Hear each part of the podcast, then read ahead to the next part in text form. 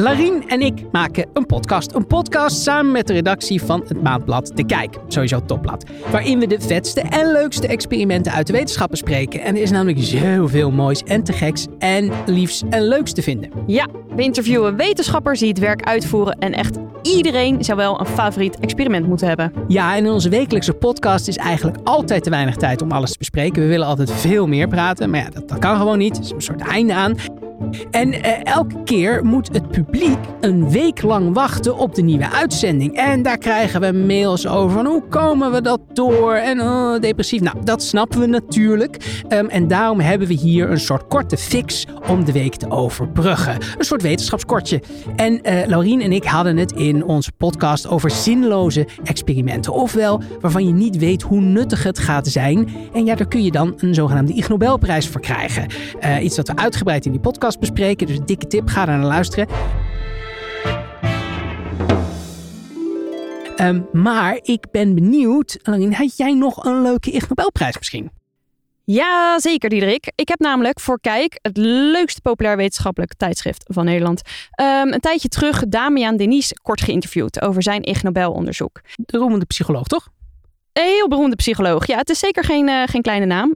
Um, hij kreeg in 2020 de Ig Nobelprijs voor geneeskunde, toegekend voor zijn onderzoek naar misofonie. Ben je daarmee bekend, Diederik? Uh, ja, ik heb het een beetje met uh, eetgeluiden. Als mensen die ik niet ken. Ja, nee, dat is, maar ik, ik, de caveat. zo naar. De, nee, ik heb de caveat al bij mensen die ik niet ken. Want okay, ik vind dus, als, als, mijn partner het doet, dan vind ik het helemaal niet erg. Maar nee? onbekende mensen in de trein bijvoorbeeld, als die luidruchtig eten of met hun mond open, dan maakt zich een soort ongeremde onredelijke woede, zegt meester van mij. Ja. Dat, um, daar, word, daar word je eng van. Dan wil je ze gewoon burger. Uh, eigenlijk wel. Ja. Um, dus ik, ik heb misofonie, maar het is heel specifiek. Maar dat is het geloof ik ook Jij met hebt misofonie. selectieve misofonie, klopt. Het moet echt één dingetje zijn, geloof ja, ik. Ja, vaak wel. Um, goed, ik denk stiekem dat heel veel mensen misofonische trekjes uh, vertonen. Ik zelf namelijk ook. Uh, mensen met misofonie zijn namelijk geobsedeerd door specifieke geluiden. Zoals kou, slik en smakgeluiden. Wat je net hoorde. Ik deed expres, hè jongens. Ik smak niet. Uh, en die heb reageren. een eindredactrice gehad die dat met scheurende kranten had. Daar kon ze niet tegen? Daar kon ze niet tegen. Oh. En die, die, die had ook best wel een, een temper. Oeh. en die is... kon daar echt, die werd daar ziedend van. Ik had uh, een keer uh, een collega, die kon er niet tegen als, als diegene een verhaal vertelde en jij reageerde met mm -hmm, daar ging die lijp op. Dus elke keer als hij een verhaal vertelde, dan zat ik heel erg mag. Mag, mag niet knikken, mag niet bevestigen. Dus dan probeerde ik echt in. Maar goed, dat doe je automatisch. Ja. Dus ik zat echt met mijn vuist gewoon een soort van gebald om eraan te herinneren. Niet mm zeggen, niet mm zeggen. Ik heb juist aan de telefoon mensen vragen: ben je daar nog? Ja. Oh, je bent ik... al, oh, maar dan kun je perfect met diegene gesprek voeren. Nou, Als in gewoon niks zeggen. Ja? Um, goed, terug naar de misofonie. Uh, mensen die dat dus hebben, reageren mega, mega heftig op bepaalde geluiden. Dus een scheurende krant of wat dan ook. En zij kunnen zich daar zo aan ergeren dat ze er gewoon agressief van worden. Een beetje wat Diederik dus in de trein heeft. Uh, vrij ernstig is dat.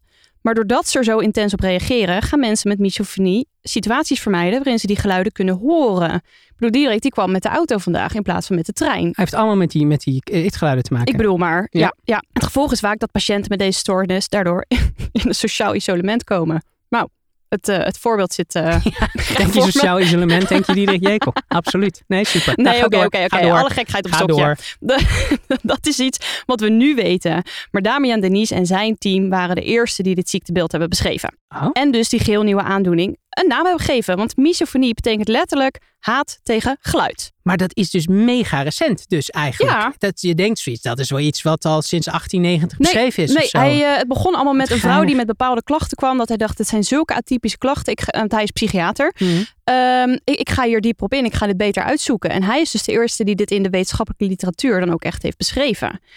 Ehm, het is natuurlijk ook wel toch wel wat gekkig dat zulk serieus onderzoek een komische wetenschapsprijs heeft gewonnen. Maar Damian, toen ik hem dus sprak voor Kijk, eh, die zei tegen mij dat hij daar heel blij mee was. Want hierdoor wordt de aandoening, en dat, dat snap ik ook wel, bij veel meer mensen onder de aandacht gebracht. Want wij hebben het er nu ook bijvoorbeeld over. En Zeker. jij als luisteraar gaat het hierna ook met, eh, met, met je vrienden en familie eh, bespreken. En, Zeker. en, En herkennen je- waarschijnlijk. Absoluut. En vooral als je deze podcast liked en subscribt en deelt en andere social media termen, dan, dan is dat natuurlijk super. Absoluut. Ja. Dus nou, ja, hè, en het wordt meer onder de aandacht gebracht en het wordt uiteindelijk ook veel meer begrepen. En dat is natuurlijk heel veel waard. En bovendien wordt er nu al onderzoek naar behandelingen gedaan. Want kijk, bij jou, wij zitten natuurlijk een beetje gekscherend over te praten. Zeker. Maar sommige mensen hebben het dus echt, echt heel intens. En dat belemmert hun dagelijks leven. En dat is gewoon heel vervelend. Dus eh, gelukkig bestaat de cognitieve gedragstherapie. Waarbij de psychologen de aandacht van de patiënt verplaatsen. Want dan gaat hij dus minder walgen van bepaalde geluiden. En met desensitisatie wordt de persoon in kwestie minder gevoelig voor die geluiden gemaakt. Dus ik, ik vind het toch mooi hoe eerst je hebt heel serieus onderzoek, wordt met een komische prijs eh, beloond. Ja. Uiteindelijk gaat het toch weer heel serieus door, want het is gewoon een echte eh, psychiatrische aandoening en er bestaan behandelingen voor. Het is gewoon heftig als je Ja. het hebt. Absoluut. Nou, ik zelf, jij dan? Ja, nee, ik vind zelf de mooiste het verhaal over, over astmapatiënten en een achtbaan. Oh, dat klinkt heftig. Ja, ja, goed. eh, Ja, het, het, dan denk je van wie, wie, welke onderzoeker gaat nou astmapatiënten in een achtbaan stoppen en waarom zou je dat doen? Nou, het interessante is, eh, mensen met, met astma die zich bena- benauwd voelen, die, die hebben zo'n zo'n puffertje of medicijnen die ervoor kan zorgen dat ze iets aan die benauwdheid kunnen doen. En Ik heb er je- ervaring mee. Ah, kijk. Ja. Eh, ook met een puffertje ook. eh, ja. Zo'n mooie discus. Nou ja, het, het grappige is nou. maar is het jou wel eens. eh, wanneer, eh, wanneer doe je dat dan? Nou, het was vroeger als kind had ik het gewoon heel heftig. Hele heftige astma-aanvallen. En vooral als je wat ijlere lucht. Dan werd het natuurlijk alleen maar intenser. Maar wat merkte je wanneer. eh, Dan gingen je een soort van je luchtwegen meer open. Je, je kon veel meer grote teugen. maar wanneer nam je dat medicijn? Oh, sorry. Als ik kortademig was. Dus je voelde bij jezelf dat je benauwd was, eigenlijk. Ja. Nou, het interessante is dat mensen dat eigenlijk helemaal niet zo goed kunnen. En dan denk je, ja, maar benauwdheid, dat is zoiets elementairs. Dat voel je natuurlijk wel. Maar het grappige is, het hangt heel erg van af hoe negatief of positief die prikkel is. Dus op het moment dat ze ehm, mensen met astma blootstelden aan een negatieve prikkel, dan was het eerder dat ze dachten, eh, ik ben heel erg benauwd. Terwijl als je kijkt naar de waardes van hun, hun zuurstof in hun bloed, dat het eigenlijk wel heel erg meeviel. Mhm. Maar als ze positieve stress ervaarden, bijvoorbeeld in een achtbaan, waar je wel adrenaline en allemaal dingen meemaakt, maar in basis wel een leuke tijd hebt. En dat was dus positieve stress.